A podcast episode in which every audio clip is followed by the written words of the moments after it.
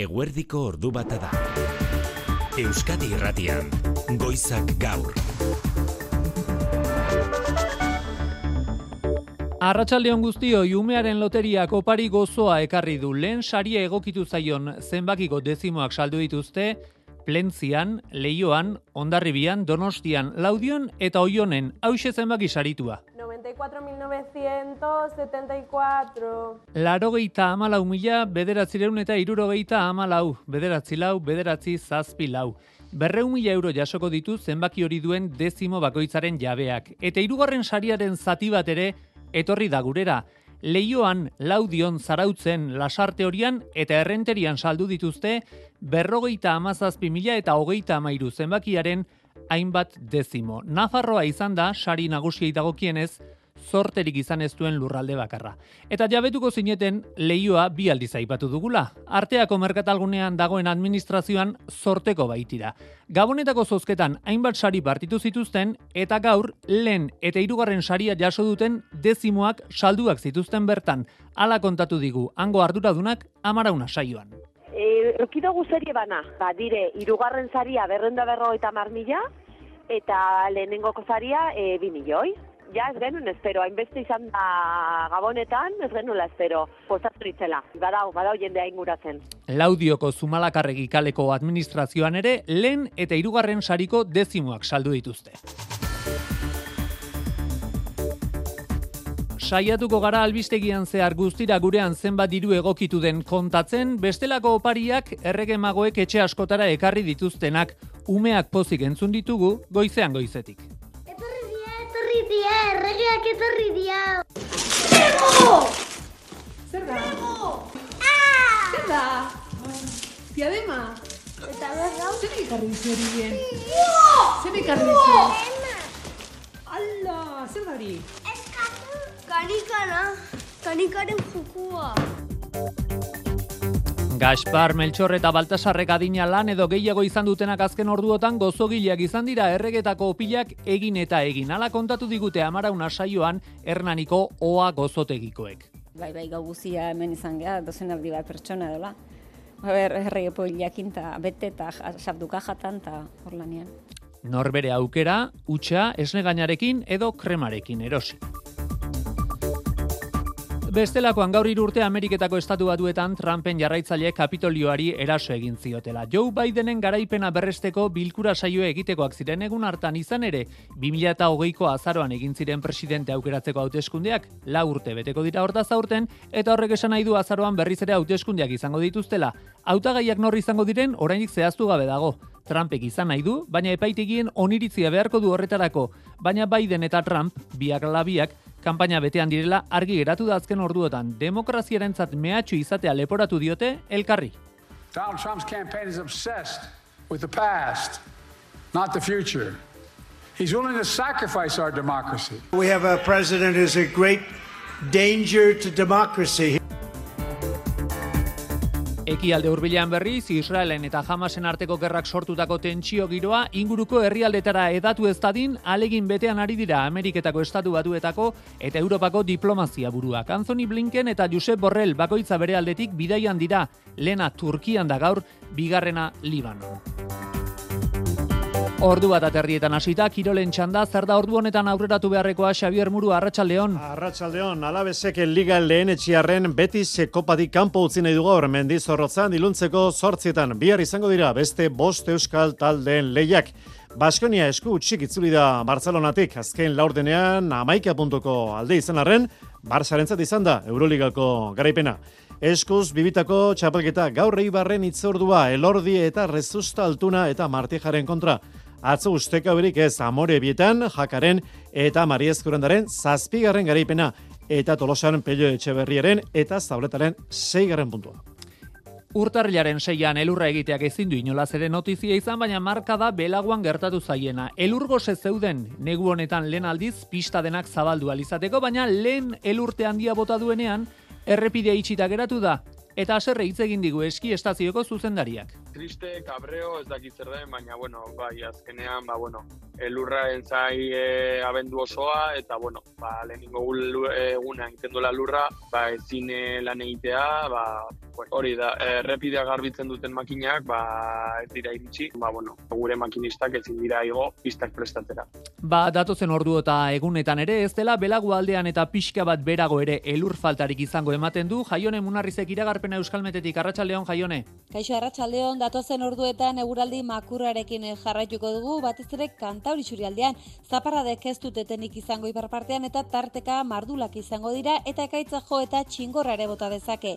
Biledutako litroko puru ere esanguratxo izango da batez ere gipuzko iparreki aldean. Araban eta Nafarroa erdi eta egualdean ere tarteka zaparradak botako ditu. Giroa berriz hotza izango da eta elurkota bat zortzireun eta bederatzireun metro inguruan kokatuko da eta baliteke gauean puntualki zazpireun metrora geistea.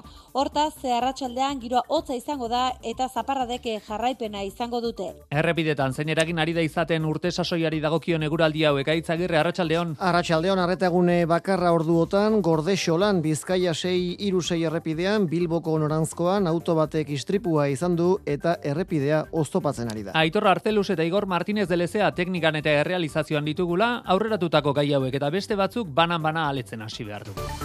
Euskadi Irratian Goizak Gaur.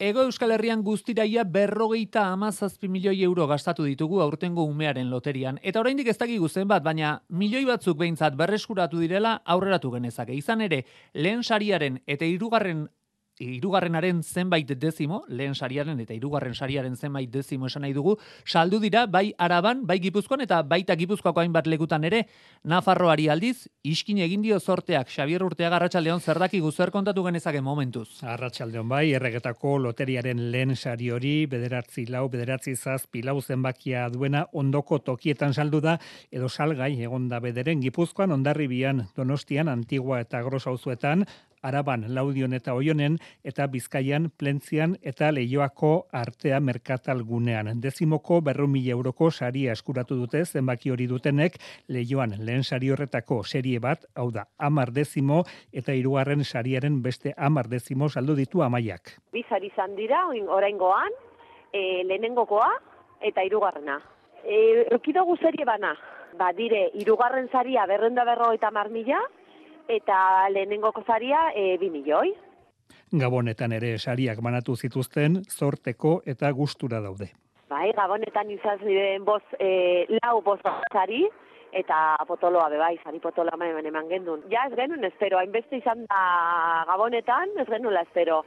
Bigarren sariaren arrastorik ez Euskal Herrian, lauro geita bederatzi mila seireun da hogeita malaua osorik Madrilen mostolasen saldu da. Hirugarren sariak bai, ekarri du dirua, kopururik ez daki oraindik, baina berrogeita mazazpi mila eta hogeita mairu zenbakia zarauzko eroskiko loteria saltokian, gabonetan lehen saria saldu zuten tokian, saldu dute, lehen amaiak esan digun moduan, lehioako artea merkatalgunean, laudion lehen saria manduten saltoki berean, lasarte horian eta errenterian ere, banatu da edo sal salgai izan da bintzatzen baki hori. Ia ba, arratsaldean zehar kontuak egiteko modua dugun, eta jagiten dugun, azkenean, e, galdu ala irabazi Euskal Herriak, ego Euskal Herriak zer egin duen aurtengo umearen loterian. Dirurik ziurrenera ez, baina opariak bai, eta asko banatu dituzte ganera, Melchor, Gaspar eta Baltasarrek, etxeko txiki eta ezain txikien gozagarri, Ander Altuna, arratsaldeon. Bai, arratsaldeon errege magoek ez zutelako utxik egin.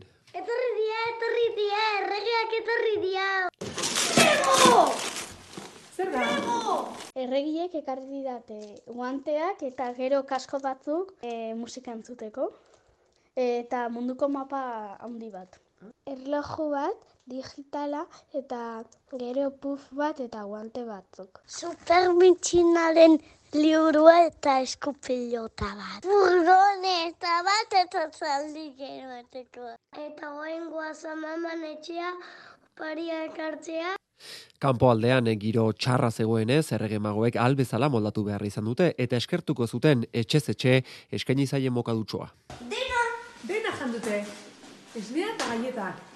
Esnea eta galetak batzuek, katilu bete txokolate beste batzuek, ilusioa, poza eta magia ez dira falta izan egun seinalatu honetan. Eta noski gaurko beste izarra opila esne gainarekin edo kremarekin izan edo utxik errege opilik ez da faltako etxe askotan eta horretarako lan eta lan pasa dituzte aurreko egunak eta gaur goiza gozotegi askotan Xavier. Bai eta aurreko egunetako eta barte gaueko lanaren emaitza goizean somatu dugu esate baterako Hernaniko oa gozotegian Miren Lucas bertako gozogilea da. Laranja, limoi eta zarrura nasita hortzen. Bai, hori zabaltze da. Na- Naranja zuritzen az e, ibiltze ganean eta limoi, limoia zuritze dugunean, ba, usai hori zabaltze da dendan, eta bon, kalea ez, ez dakit iriste dan, baina dendan bai zabaltze dala. Eta horretarako sei lankide aritu dira gauean opilak egiten. Asko inditugu, gau guzia ongea hemen, lanian, nekatu arte, ez dakit zenbaz pasako dian egia esan, ez dakit. Et, etze, bida, e, itxu, it, itxusi izango, baina ez zait gustatzen, gustatzen zait egin lana, eta jazta, hortxe bukatze da. Askok gaur hasi eta bukatuko dute erregetako opila hori dena den ez da derrigorrezkoa biharko ere engorde daiteke. Ondo ina balin badago, eta errege opil, aber, on bat bada. Eta ondo egongo da. Urrungo gunean, biegunen eta pixka legortxo. Baina frigorifikoan sartu eta urrungo gunean, atera eta temperatura abzedunean, biguneango da. Goxua. Eta errege opila gaur, bihar, etzi edota hiru hilabete barru jateko gogoz dagoenari oharra mirenen gozotegian aldez aurretik eskatuta urte guztian egiten dituzte opilak. Gaurkoarekin amaituko dira askorentzat egunotako betekadak, aldian beinekoak badira ez direla kezkatzekoak esan digu aste honetan hobeto kalte irratsaioan Jone Larrañaga, elika eskolako dietista eta nutrizionistak. Unean uneko digestio arazo edo ajea zaratago, lasaitasun mezua bidali digu. Gehiagikeri horiek itia e, pekatua dala, ez? Mm. Edo, edo gaizki sentitu beharko zinatekel, zinakela, ba, ba bueno, gehiagikeri horiek indituzulako, ba, dieta hori saltatu ezulako, ez?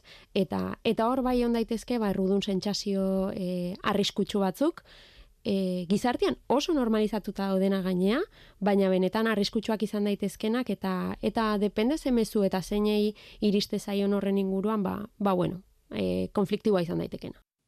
Eta egunotan iruzpalau kilo hartu izana ez dela arazo dio, normalean elikadura osasuntxu egiten badugu. Hortaz, bihartik aurrerako gomendioa argia da. Zure bizi ohiturak, elikadura ohiturak e, onak baldin badia, e, normaltasunea bueltatzeko. Aldezun bezala eta aldezun erritmoan. Eta, eta gorputzaren normaltasun horretara bueltatuko ala. Orduan, ezin dieta murriztaile bat, ezin e, ezer magikoa, esaiatu e, estrategia magikoikan bilatzen, ba, errudun sentsazio hori gainean dakasulako, ez?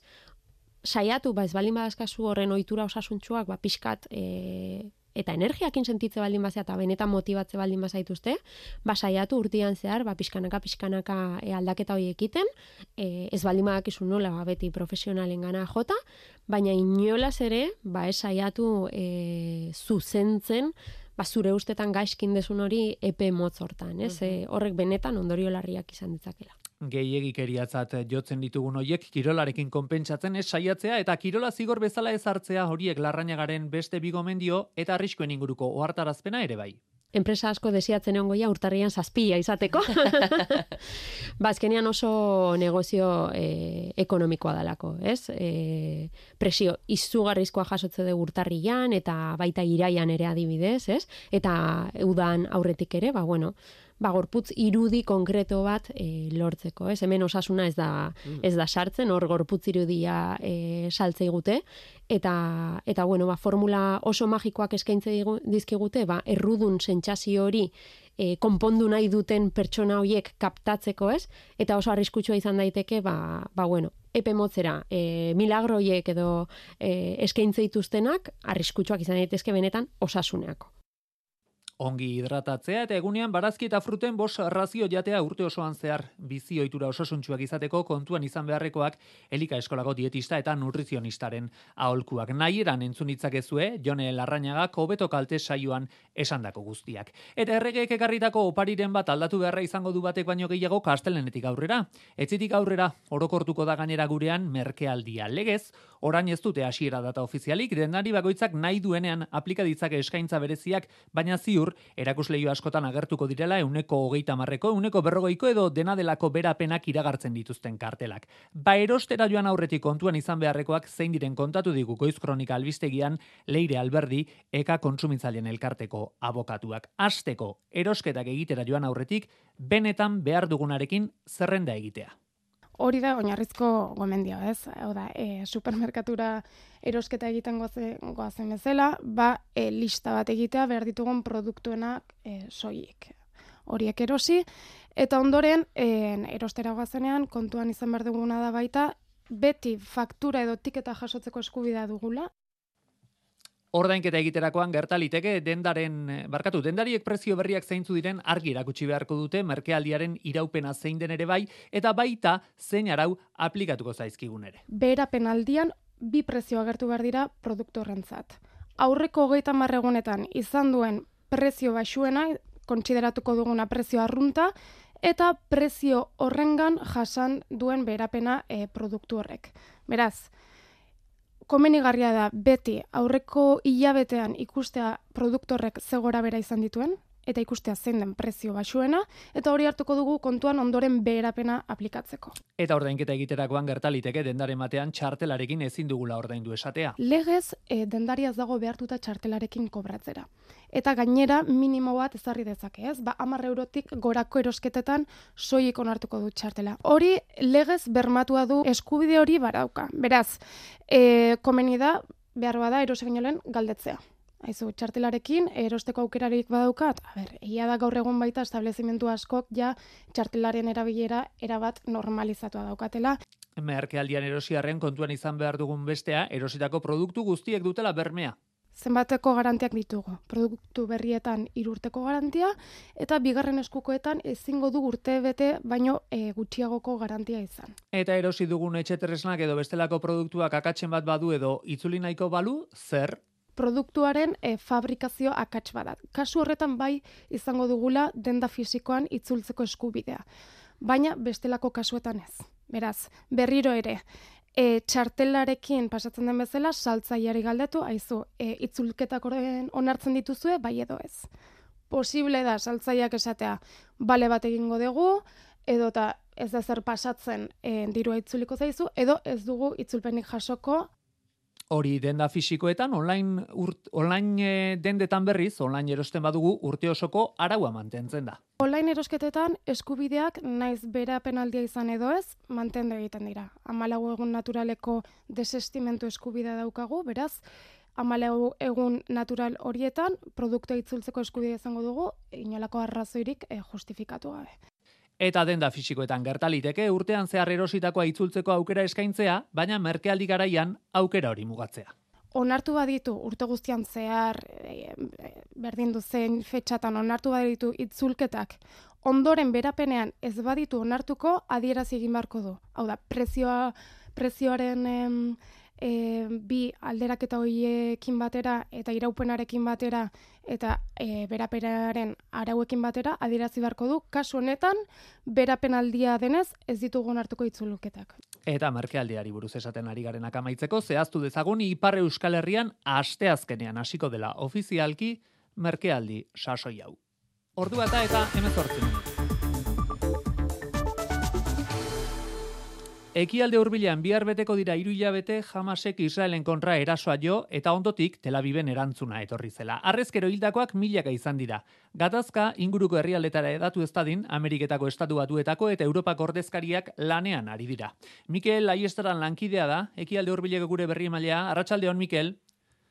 Arratsaldeon. Anthony Blinken eta Josep Borrell, Ameriketako estatu batuetako eta Europako atzerri gaietarako ordezkariak auzi honetan zer duten herrialdeak bisitatzera joanak dira egunotan, bakoitza bere aldetik, zer espero behar dugu, Mikel? Baitzak, espero behar ditugu, baina ekintzarik ez, diplomazia egia da lanean dagoela, baina iruia bete, igaro dira gazako gerra hasi zenetik, eh, aipatu duzu bezala, eta diplomaziak ez du gauza dirik lortu. Blinken, eh, atzerri ministroarekin, Turkiako atzerri ministroarekin bildu dago izan, eta minutu gutxi barru hasiko da Erdogan presidentarekin eh, izango duen bilera. Turkiak harreman estua du Hamasekin, talde islamistak bulego bat du bertan, Istanbulen, baina gerra honetatik, esan behar da, oso, oso urruti gelditu dela Turkia. E, gerra aurrera doa, esan dugun bezala, era bortitzean gainera eta eskualdean zehar zabaltzeko arriskua gero eta handiago da, Libano da, bigarren puntu beroena, eta bertan dago, Josep Borrell, arazoa da, estatu batuek agintzen dutela, ez Europa. Libanon dagoela esan duzu Josep Borrell, eta gaur hain juistu ere Libanotik irurogeitik gora misil jaurti ditu ezbolak Israelgo base militar baten kontra, eta gazan bien bitartean hildakoak dagoeneko hogeita bi mila eta zazpireun dira hango osasun ministerioak emandako datuen arabera, Miguel. Bai, gazan sarraskiak ez du, ez du etenik. E, Israelek, e, bestaldetik Libanon, esan behar da Israelek jamasen bigarrena, behiruten hil ondoren, Hezbolak, e, mendekua aldarrikatu duela eta gaur goizean, e, ikusi duguna lehen urratsa izan dela dio milizia xiitak. Dozenak akoete, bota ditu miliziak base eta base militar bat jodu, iparraldeko frontea, eh, esan behar da egunero, eh, aparrekaldu frontoan egunero daudela erasoak, baina ez dirudi, Hezbolak edo Israelek eh, erabateko gerra nahi dutenik erasoak, mugan, mugatzen dira, kasu gehienetan. Eh, Hezbola, eh, denekin sartzeko eh, iranen azken argi berdea behar du eta momentuz eh, ez da, ez da heldu. Ba, Miguel, ahi eskerrik asko. Agur. Ameriketako estatu batuetan berriz. Gaur hiru urte dira Trumpen jarraitzaile Kapitolioari eraso egin ziotela. Joe Bidenen garaipena berresteko bilkura saioa egitekoak ziren egun hartan. Izan ere, 2008ko azaroan egin ziren presidente aukeratzeko hauteskundeak. La urte beteko dira hortaz aurten eta horrek esan nahi du azaroan berriz ere hauteskundeak izango dituztela. Hautagaiak norri izango diren oraindik zehaztu gabe dago. Trumpek epaitigien oniritzia beharko du gainera. Baina Biden eta Trump biak alabiak kanpaina betean direla argi geratu da azken orduotan. Demokraziarentzat mehatxu izatea leporatu diote elkarri ekaitz. Bidenek hain zuzen duela hiru urte Kapitolioan gertatua jarri du adibide Donald Trumpen aurka egiteko. The whole world watched in disbelief and Trump did nothing. Mundu osoa kapitolioan gertatzen ari zen insurrekzioari begira, sinetxi ezin da zegoela Trumpek ez zuela ezer egin esan du behin eta berriz Bidenek, eta azpimarratu demokraziarentzat benetako mehatxua dela Trump presidente hoia herritarrak baino bere burua jartzen duelako politiken erdian, bada kapitolioko gertaerak auspotu zituelakoan, Maine eta Coloradoko auzitegiek Donald Trumpen hautagaitzari betoa jarri ondoren, Ameriketako estatu batuetako auzitegi gorenak onartu egin du Coloradokoak jarritakoari Trumpek aurkeztutako elegitea eta otxailaren zortzian abiatuko du gorenak Trump hautagai izan ote daitekeen erabakitzeko bista. Gorenak Coloradokoaz ebazten duena gainerako estatuetan ere aplikatuko da. And the Republican judges want to go out of their way to be fair and unbiased and even to a point where they Gehiengo kontserbadorea du gorenak eta Trumpek esan du berak jarritako epaile errepublikanoek zintzoki betetzen dutela euren egitekoa eta zuzen jokatuko dutela Koloradoko hauzia ebazterakoan ere, demokratei eta Biden presidenteari egotzi die Trumpek demokraziarentzat benetako arriskua izatea. Ordu bat eta hogeita bi minutu berriz ere etxera etorri eta Iberiako lurreko asistentzia sektoreko langileek bigarren greba eguna dute gaurkoa, bihar eta etzirako ere egina dute deialdia. Hori dela eta aurrez hainbat egaldi bertan bera utziak zituen Iberiak bai loiuko, ondarribiko eta baita noaingo aeroportuan ere, Horrez gain, atzo, gora bera handiak izan ziren berezik iloiun, langile horiek beste egazkin konpainia batzuri ere eskaintzen baitiete zerbitzua. Eta gaur ere, atzerapenak sortzen ari dira, lier, lier puente arratsaldeon. Arratzaldeon bai, sindikatuek greba deitzean gutxieneko zerbitzuetan ez zeuden negaldiak bertan behera gelditu ziren eta bidaiariak birkokatu zituen iberiak. Orain beraz, ez da egaldi berririk bertan behera gelditu. Gutxieneko zerbitzuak bai aireratzen ari dira, euneko laro ingurukoak sindikatuentzat erabat basatiak. E, Londesera, bai, bai, bai, aterapenarekin. Ordu bat, ez dakit egingo dut e, maletarekin. Berlinera goia, tortzerako be berdina izan zen, eta oin jugueterako be berdin. Osea, dago kolapio bat, da nik uste ez gala helduko. Loiutik Barcelona eta Londreserako hegaldiak maleta barik joan dira. Eta Mallorcatik bodegan etorritako maletak ez dituzte atera. Beraz, etorri diren bide beretik itzuli dira. Jose Antonio Regueiro, Iberiako UGTko ekintza sindikaleko idazkaria. Ha habido retrasos de la misma manera que, que, en el día de ayer. La mayor incidencia que estamos teniendo es en, en Bilbao y, y, Barcelona y luego todo eso está rebotando al, al resto de la red. Handlingak barne hartzen ditu hegazkin bat bete eta bidaiariz ustual izateko lurreko operazioak, baita karga eta ekipajea ere. Iberiak iraian galdu zuen haenak deitutako lehiaketan zerbitzu hau, tartean Bilboko aireportuan. Konpainiak autohandlingak egiteko aukera zeukan hau da, zerbitzuaz zuzenen arduratzea, horize eskatzen dute sindikatuek, baina ez, Iberiak uko egin dio eskaera honi eta nahiago izan du kanpoko enpresa batzuen esku utzi langileak subrogatuz. Iberiak irureun langile ditu Bilbon handling zerbitzuan. Lapurdin berriz, kanbon, ostia espekulazioaren kontrako kolektiboak protesta egin du. Herriko etxeari urte berri on desiratu bai, baina eskaria egin diote. Bertan bera uz dezala, Marieniako etxe bizitza proiektua. Kanboko sarreran buik taldea eun etxe bizitza inguru eraikitzekoa da, ia lau hektareako lursailean. Ostiako kideak kesu dira, laborantzako lurrak galdu egingo direlako, aitor sagartzazu. Egun seinalatu hautatu dute gainera ekintzarako, auzapezak urte berriko ekitaldi antolatu du, bere agiantzak helarazteko. Eta jostuki, haien desira helarazi diote herritarrek, marieniako lurrez beteriko zakutxoak banatuz. Entzun magizka esno, lurzaindia eta LB-ko kidea. Guk ere, nahi ginituen gure agiantzak uh, desiratu uh, erriko etxeari, paper txaku batutan eman dugu lur paketa tipi bat, marieniako lurra, ejanez zara, uh, zer saltzen duzien, eta behin artifizializatuta, betiko saldua izain da. Azken asteetan, tentsioak gora egindu kanbon, laborari talde bat herriko kontseilura sartu zen azken aldian, baina Christian Devez auzapezak etzien erantzun nahi izan. Gaur ere, bultzadak izan dira, kanboko herriko etxeko atarian. Duela mar urte aurkeztu zuten proiektua eta ordutik kontrakoak etenik gabe mobilizatu dira. Etxe bizitzen kontra ez, baina lurariek laborantzarako mantentzea eskatzen dute. Xavier Egi oposizioko kidea. Badakigu bat direla kanbon bagnean etxe bizitzak egiteko lekuak. Bainan berat ematzen da, hor nahi ditu egin, eta guk erzen dugu ez ez, guk lur horiek eta gure ondokoek beharko dituzte. Eta datozen hilabetetan ere, emango du zer esan agaiak, urbanismo plana auzitegitara eraman baitute proiektuaren aurkako elkarteek. Negu betean gaude eta hortaz urtarrilean elurra egiteak ez luke notizia behar, baina egia da azken aldian gure mendigoietan ez duela elur gehiegi egin eta horrek eragina izan du Nafarroako elur estazioetan. Irati abodikoan oraindik ez da eskiatzeko aukerarik, belagoan berriz gogotik bota du elurra gaur, baina ezin izan dituzte pistak zabaldu mendatea itxita dagoelako. Lan egiteko pronto ziren, baina ezin izan dute estazioa ireki, ane agirre arratsaldeon. Arratsaldeon iritsi da bai lehen elurtea belagoan esaterako entzun eski estazioko zuzendariak esan diguna Julen Garjon. Elurra egin du, orain. E, Juan Piton e, adibidez bagoita sortzi zentimetro, ferialen e, berrogei, berrogeita mar inguru, eta kontienda, ma, bueno, berrogeita mar, berrogeita ma bost inguru. Elur faltarik ez da, baina zoritxarrez errepidea itxita dago eta ezin izan dute estazioa zabaldu, baliabide gutxirekin lanean, elurrak entzeko makinak ez baitira bertara iritsi. Belaguako portua e, berrogeita zazpi kilometrotik itxita dago, eta bueno, lanean daude, medio oso gutxi, lekin, eta gu ba, ezin izan ditugu ba, pistak e, ireki, ba, ezin izan dugu hori ba, pistetara iritsi. Triste, oso triste dioenez astelenean Nafarroan eski kanpaina hasiko delako. Hala ere esperantza ezin galduta ordurako errepidea garbi, estazio irekial izateko izatea espero dute. Eta eskiatzeko aukerarik ez da izan, ez da iratia bodin ere, orain gozeztu bota behar bestekoa, nahiko alurrik ez eta amaia hierrek azaldu digu egoera iratia bodiko eski estazioko gerenteak.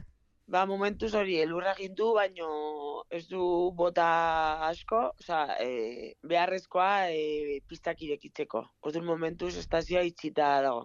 Ez da hortaz izan esperotakoa eski estaziotan, ala ere, Julenek eta Maiak esan digute jendea bai hurbildu dela eta asko kelurrarekin gozatu ederra hartuko zuten gaur.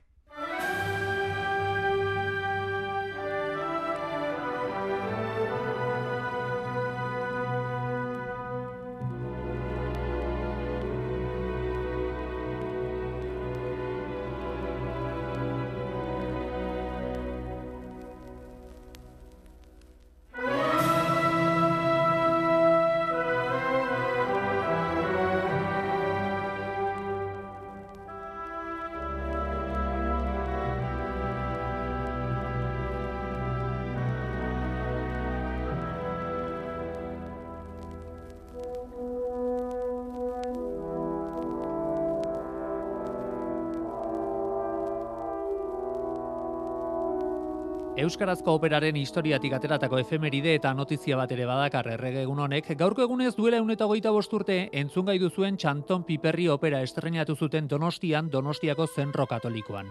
Buenaventura Zapirain musikariak sortua eta Toribio Altzagak idatzia, Txanton Piperri luzaroan Euskarazko lehen operatzat hartu izan da, baina Donostiako operakoek azaldu dute hori ez dela ala, eta Txanton Piperrik baduela aurrekari bat, pudente izenekoa. Etxe honetako amara una saioan landu dute gaia hander. Galdera berez dator, zergatik egin du bidea Txanton Piperrik eta ezpudentek Jagoba Fedrike Donostia operako zuzendari artistikoa. Tatu zana zen pudenteren e, musika, edo musik gehiena galdu egin zala. E, bakarrik geratzen da e, Jose Antonio Santesteban berak, bere editorialarekin, e, argitaritzarekin e, ba, publikatu zituen e, zati batzuk.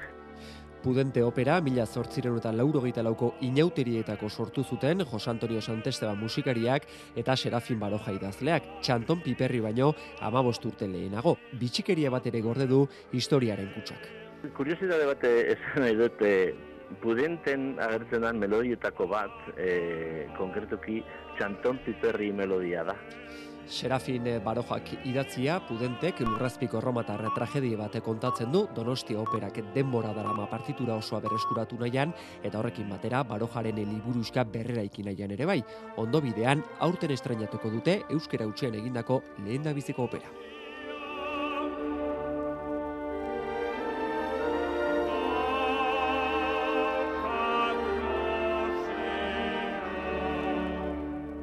Ba, opera honen doinuekin iritsi gara ordu bat aterdietara, errepidei biztadizoa beste zer baino lehen, ekaitz, ze nobedade? Arreta askatu behar dugu guenesen, Bizkaia 6 iru 6 errepidean, Bilboko honorantzkoan, auto batek istripua izan du, eta erraietako bat ari da oztopatzen. Eta Euskal Medetik eguraldiaren iragarpena jaionen munarrizek. Datozen orduetan eguraldi makurrarekin jarraituko dugu, batez ere kantauri surialdean, zaparradek ez dutetenik izango iparpartean eta tarteka mardulak izango dira eta ekaitza jo eta txingorra ere bota dezake. Pilatutako litroko puru ere esanguratxo izango da batez ere gipuzko iparreki aldean. Araban eta Nafarroa erdi eta egualdean ere tarteka zaparradak botako ditu. Giroa berrizotza izango da eta elurkota bazortzireun eta bederatzireun metro inguruan kokatuko da eta baliteke gauean puntualki zazpireun metrora geistea. Horta, arratsaldean giroa hotza izango da eta zaparradeke jarraipena izango dute. Opil, merkealdi eta loteria konturik ez, Xavier Muruak, kiroletako notiziekin baina, zakua betea dakarki, gaixo Xavier Arratxaldeon. Ikatzik ere ez, unai, Arratxaldeon.